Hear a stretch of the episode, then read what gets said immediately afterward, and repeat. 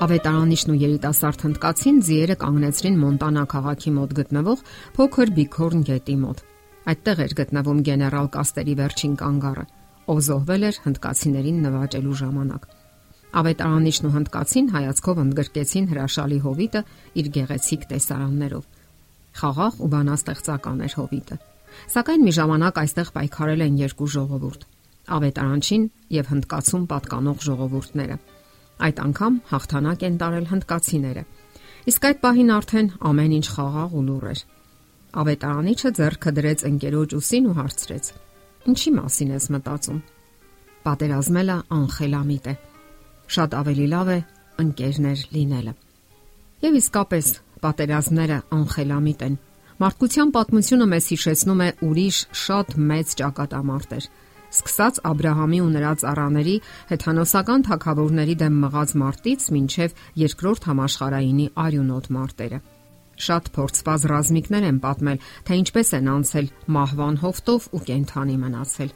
Նրանք սարսափելի փորձառություններ են ունեցել եւ միաբերամ պնդում են. պատերազմը անխելամտություն է եւ անհեթեթություն։ Պատերազմը տարապանք է ու ցավ եւ վերջապես մահ, որը ծնվում է թշնամությունից։ Ըստ վիճակագրության ամեն տարի երկրի վրա մոլեգնում է մոտ 11 պատերազմ, որոնցից 30-ը համարվում են լուրջ ընդհարումներ։ Սակայն դիեզերքում մեկ ուրիշ պատերազմ է մղվում, որ անտեսանելի է մեր աչքերի համար։ Այն տևում է մեր ողջ կյանքում, ծննդից մինչև մահ։ Եվ այն դաթար ու ընդմիջում չունի։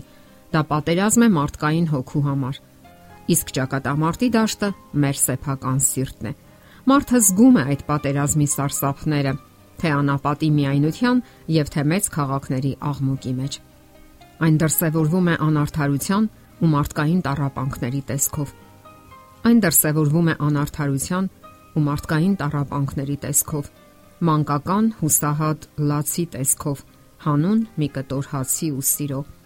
Այն դրսևորվում է անիմաստ ատելության ու բռնության տեսքով, անպաշտպան կանանց ու ծերերի հանդեպ Մեր հոգում պայքարում են երկու հակադիր ուժեր՝ Աստվածային սիրո եւ սատանայի ատելության տեսքով։ Նրանցից յուրաքանչյուրը պայքարում է մեր հոգու համար։ Մեկը հավերժական սիրո ու փրկության, մյուսը հավերժական կորստի։ Մեզ համար պայքարում են Աստված եւ Սատանան։ Այդ պայքարը հոգնեցնում ու ամայացնում է մեզ,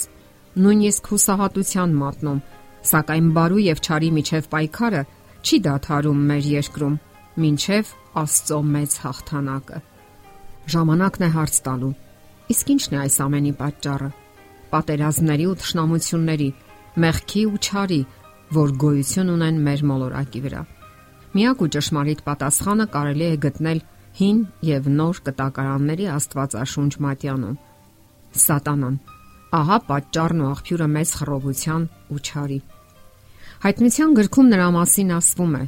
եւ ցած գծվեց մեծ վիշապը, առաջին օծը, որ դև եւ սատանա է կոչվում։ Ամբողջ աշխարհը մոլորեցնողը երկրի վրա անկավ եւ նրա հրեշտակներն էլ նրա հետ անկան։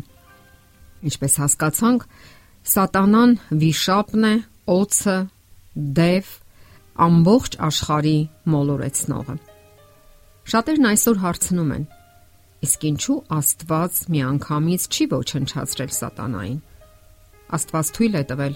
որ մարդը ընտրություն կատարի բարու եւ չարի միջև եւ զգա իր ընտրության հետևանքները։ Ողջ տիեզերքը պետք է տեսնի, թե ինչի է հանգեցնում Աստծոց հեռանալը, որ սատանայի ուղին միայն տարապանք, ցավ ու մահ է բերում։ Իսկ ահա Աստծուն հետևելն ու ապավինելը միայն ուրախություն ու երջանկություն է ապարգևում մարդուն։ Մեղքը խորթություն է առաջացրել մարդու եւ Աստծո միջև եւ ոչ միայն։ Այն ճշնամություն մտցրեց նաեւ մարդկանց միջև։ Երբ մենք հեռանում ենք Աստծուց, հեռանում ենք նաեւ միմյանցից։ Ահա թե ինչու այսօր մեր հոգիներում պայքար կա։ Մենք ընտրություն ենք կատարում Աստծո եւ Սատանայի միջև։ Աստված սեր է եւ նա ձգտում է փրկել մեզ։ Մինչ Սատանան փորձում է իր կողմը գրավել Աստված ազատություն է տվել մարդուն կատարելու Աստված ազատ ընտրության իրավունք է տվել մարդուն։ Թեև այսպիսին է իրավիճակը երկիր մոլորակի վրա, այնուամենայնիվ այն երկար չի շարունակվի։ Աստված թույլ չտվեց, որ մարդը միայնակ պայքարի մեղքի ու դիվային ուժերի դեմ։ Նա ուրիշ ծրագիր ուներ մարդու փրկության համար։ Նա այնքան սիրեց մարդուն, որ երկիր ուղարկեց իր միածին որդուն, անսահման սեր ու ողորմություն դրսևորելով մարդու հանդեպ։ Սերը ամենամեծ նվաճողն է։ Մեր մեջ պայքարող երկու ուժերը բարձր գին են պահանջում մեզանից։ Սատանան խոստանում է այս աշխարհի հարստություններն ու փառքը, մեղավոր սրտի վայելքներն ու եսասիրական եղձերի բավարարումը։ Սակայն այդ խափուսիկ ճանապարհին նրա նպատակը մեկն է՝ խզել մարդու կապը Աստծո հետ եւ հավիտենական կործանման տանել նրան։ Իսկ ահա Աստված մեզ հավերժական կյանք է խոստանում վերականգնված նոր երկրում։ Նա ուղարկեց իր որդուն, որ վերականգնի մարդու եւ Աստծո միջև խզված հարաբերությունները եւ փրկություն ապարգևի։ Քրիստոսն է վերջնական հաղթանակը։ Եվ կգա ժամանակը, երբ մեղքն ու նրա հեղինակը՝ Սատանան, վերջնականապես կոչնչացվեն Աստծո խոսքը այսպես է վկայում այդ մասին։ Իսկ դևը նրանց մոլորեցնողը կրակի ու ծծմբի լիճը գծվեց։ Իսկ ինչպես է հաղթում ճարին։ Իսկ դուք ինչպես եք հաղթում ճարին։ Երբ մի փորձառու քրիստոնյային հարցրեցին, թե արդեն հաղթել է սատանային, նա պատասխանեց. Ոչ, սակայն ես նրա կողմից եմ, ով հաղթել է սատանային։ Ահա եւ հաղթանակի ուղին։ Եթերում ղողանջ հավերժության հաղորդաշարներ։ Ձեզ հետ է Գեղեցիկ Մարտիրոսյանը։